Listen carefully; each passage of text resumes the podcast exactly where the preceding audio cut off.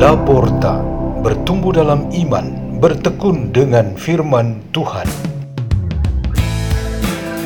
Radio Laporta, pintu terbuka bagimu untuk pertumbuhan pengetahuan dan kebijaksanaan tentang Allah.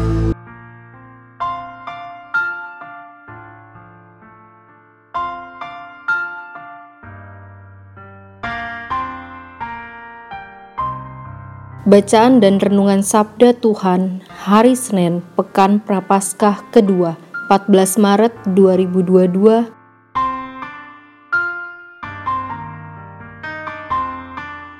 Dibawakan oleh Marudut Bernatua Simanjuntak dan Margareta Ayu Purnama Dewi dari Sekolah San Peter, Paroki Kelapa Gading Keuskupan Agung Jakarta.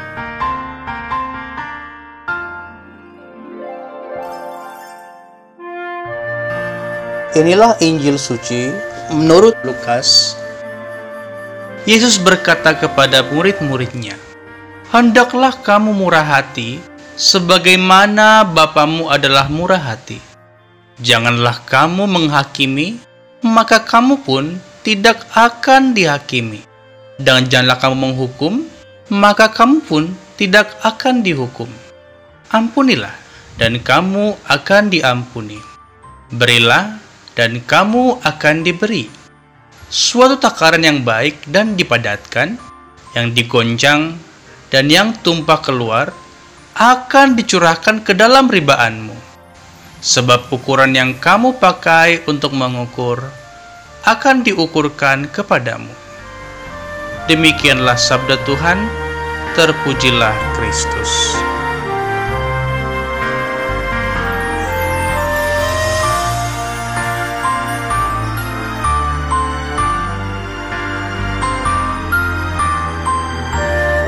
Tema renungan kita pada hari ini ialah Janganlah perhitungkan dosa kami. Kalimat tema ini diambil dari doa damai yang selalu kita serukan sebelum komuni kudus dalam perayaan Ekaristi.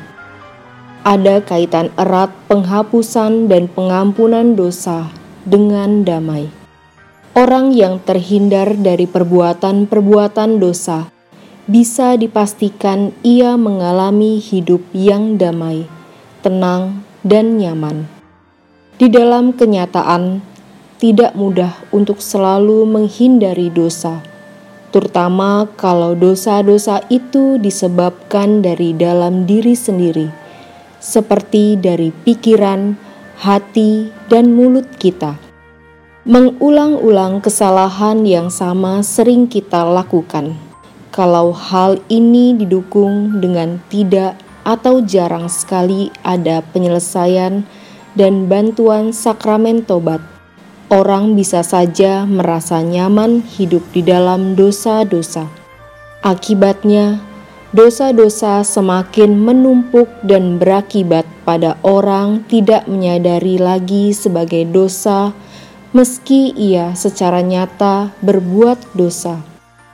Oleh karena itu, doa, "Janganlah perhitungkan dosa kami," adalah ungkapan permohonan kita yang tidak berhenti selama kita di dunia ini. Jika Tuhan memang perhitungkan dosa-dosa kita, bisa jadi kita sangat rendah seperti debu tanah yang diinjak-injak saja. Sebaliknya, kita memohon Tuhan supaya memperhatikan iman setiap orang dan kawanan umatnya. Kita orang-orang berdosa memiliki iman, bahkan bisa jadi iman yang sangat kuat. Hal ini diperlihatkan dalam tindakan pengakuan sebagai orang-orang yang berbuat dosa dan salah seperti yang diwartakan kitab Daniel dalam bacaan pertama. Yesus Kristus sudah satu kali perhitungkan dosa-dosa kita dengan pengorbanan dirinya. Yang lebih kita kejar ialah pengakuan diri dan menjadi baru di hadapan Tuhan dan sesama kita. Iman kita tidak langsung atau otomatis menghapus dosa-dosa kita.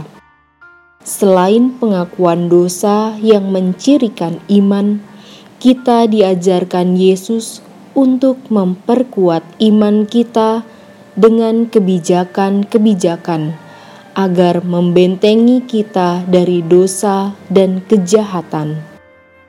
Pada hari ini, kita diajarkan kemurahan hati seperti Bapa di surga yang murah hati. Salah satu ciri utama pribadi yang murah hati ialah menjadi yang pertama berbuat baik, entah melalui perkataan, entah perbuatan. Maka itu Berbalas kebaikan bukan kemurahan hati, tetapi berkeadilan. Dengan kualitas kemurahan hati ini, kita memang tidak menghakimi, menghukum, atau menfitnah lebih dahulu. Kemurahan hati menuntun kita untuk lebih dahulu mengampuni. Pertama, yang memberi mengambil langkah pertama untuk berlaku benar dan baik. Ini semua bukan untuk mencari muka atau pencitraan, tetapi karena cinta kasih sangat menuntut demikian. Ini dapat mencegah kita untuk menambah dosa-dosa kita. Marilah kita berdoa. Dalam nama Bapa dan Putra dan Roh Kudus. Amin. Bapa di surga, janganlah memperhitungkan dosa-dosa kami, tetapi perhatikanlah iman kami dan besarkanlah cinta kasih di dalam kami. Salam Maria, penuh rahmat Tuhan sertamu. Terpujilah engkau di antara wanita, dan terpujilah buat tubuhmu Yesus. Santa Maria, Bunda Allah, doakanlah kami yang berdosa ini sekarang dan waktu kami mati. Amin. Dalam nama Bapa dan Putra dan Roh Kudus. Amin. Radio Laporta, pintu terbuka bagimu.